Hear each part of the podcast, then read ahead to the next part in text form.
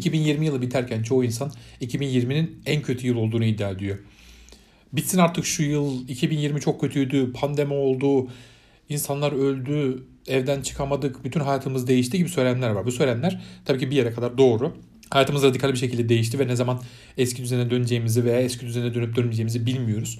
Ama 2020'nin gelmiş geçmiş en kötü yıl olma iddiası biraz fazla iddialı açıkçası. Biz insanoğlu olarak şöyle bir sıkıntımız var. Yaşadığımız her şeyi çok abartıyoruz. Yani yaşadığımız aşkları, acıları hep böyle dünyanın en büyük aşkıymış, dünyanın en büyük acısıymış ya da mutluluğumuzu çok böyle şatafatlı yaşıyoruz, çok mutluyuz, dünyanın tepesindeyiz. Bu belki de evrimsel olarak kazandığımız bir özellik, belki de değil bilmiyorum. Ama neticede yaşadığımız şeyleri çok abartmayı ve bunları çok medyatik hale getirmeyi seviyoruz. Yaşadığımız şeyleri paylaşıyoruz, abartıyoruz, insanların bize destek vermesini sağlıyoruz. Böyle bir şey yapıyoruz. Aynı şey 2020 yılı içinde geçerli. 2020 yılının gelmiş geçmiş en kötü yıl olduğu, 2020'den daha kötü bir yıl olamayacağı, 2021 gelince her şeyin biteceği gibi garip bir illüzyon içerisindeyiz. Peki gerçekten 2020 yılı en kötü yıl mıydı? Tarihe bakalım. Biraz geçmişe doğru uzanalım. Mesela milattan önce 1200 ila 1150 yılları arasındaki herhangi bir yılı seçelim. Bu yıl seçtiğimiz bu yıl yani bronz çağı çöküşüne denk geliyor.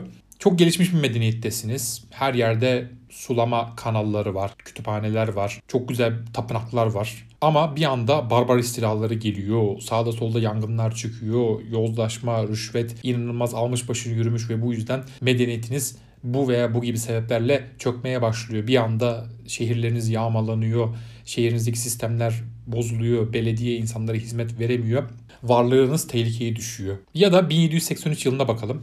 İzlanda'da bir volkan patlıyor. Patlayan volkanın çıkardığı kül güneşi kapatıyor ve aylarca güneşi göremeyen ülkeler oluyor, coğrafyalar oluyor. Bundan dolayı bir kıtlık oluşuyor ve kıtlıkta çoğu Asya'da olmak üzere toplam 11 milyon kişi ölüyor. Düşünebiliyor musunuz? bir yıl içerisinde 11 milyon kişinin öldüğü bir yıldan bahsediyoruz. 1492 yılı var mesela elimizde. Yine en kötü yıllardan bir tanesi.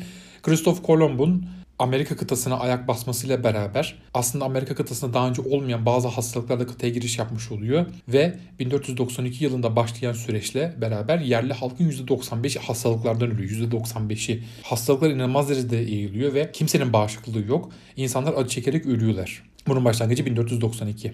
Başka bir kötü yıl 1348.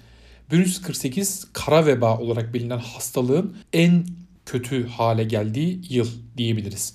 Avrupa'nın yarısı vebadan ölüyor. Yarısı. Yani vebanın neden olduğunu da bilmiyorlar. Yani hijyen kuralları yok. Mikrop, bakteri, virüs ne olduğunu bilmiyorlar. Patır patır patır patır ölüyor insanlar. Aynı dönemde İstanbul'da da nüfusun yaklaşık %90'ının öldüğü söyleniyor. %90'ının vebadan öldüğü söyleniyor. Bir hayal edin bunu yani. Nüfusun %90'ının ölmesini hayal edin. 1918 biraz daha yakın bir tarih tabi. İspanyol gribi. Bir Dünya Savaşı tam bitmiş tam insanlar mutlu olacak derken İspanyol gribi vuruyor dünyayı ve sadece 1918 yılında 50 milyon kişi ölüyor.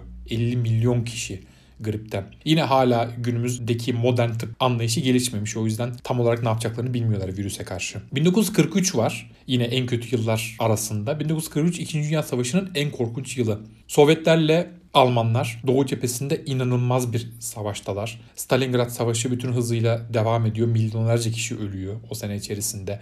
Batı cephesinde yine aynı şekilde devam ediyor. Açlık, sefalet, rezillik, Dünyanın hemen hemen her tarafında savaş var. Almanya ve civarındaki Yahudiler, Amerika'daki Japonlar ya da Hindistan'da İngilizlerin sömürgüsü olan Hintliler inanılmaz zulüm çekiyorlar. Savaşa girmeyen ülkelerde bile kıtlık var, sefalet var. Biraz daha geri gidelim. 1520 yılında Hernan Cortez'in Aztek soykırımı var.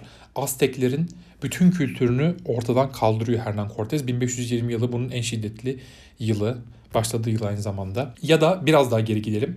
536 yılı milattan sonra yine İzlanda'da bir volkan patlıyor. Bu İzlanda'daki volkanların bir kastı var yani gördüğünüz gibi dünyaya. 18 ay boyunca güneş görmeyen yerler oluyor.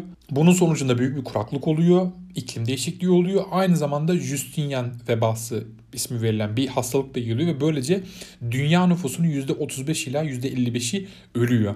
536 yılında. Hadi biraz daha ileri gidelim. 1316. Önceki yıllarda çok fazla yağmur yağdığı için, doğru düzgün yaz yaşanmadığı için inanılmaz bir kuraklık yaşanıyor. İnanılmaz bir açlık oluyor. Ve insanlar arasında özellikle Avrupa'daki insanlar arasında yamyamlık ve çocuklarını terk edip başka daha verimli yerlere gitme çok yaygın bir şekilde gözleniyor. Hatta Hansel ve Gretel masalının bu kuraklıktan ve sosyal politik değişimlerden etkilenerek yazıldığı söyleniyor. Nüfusun %10 ila 20'si ölüyor 1316'da. Son olarak 1601 yılına gidelim.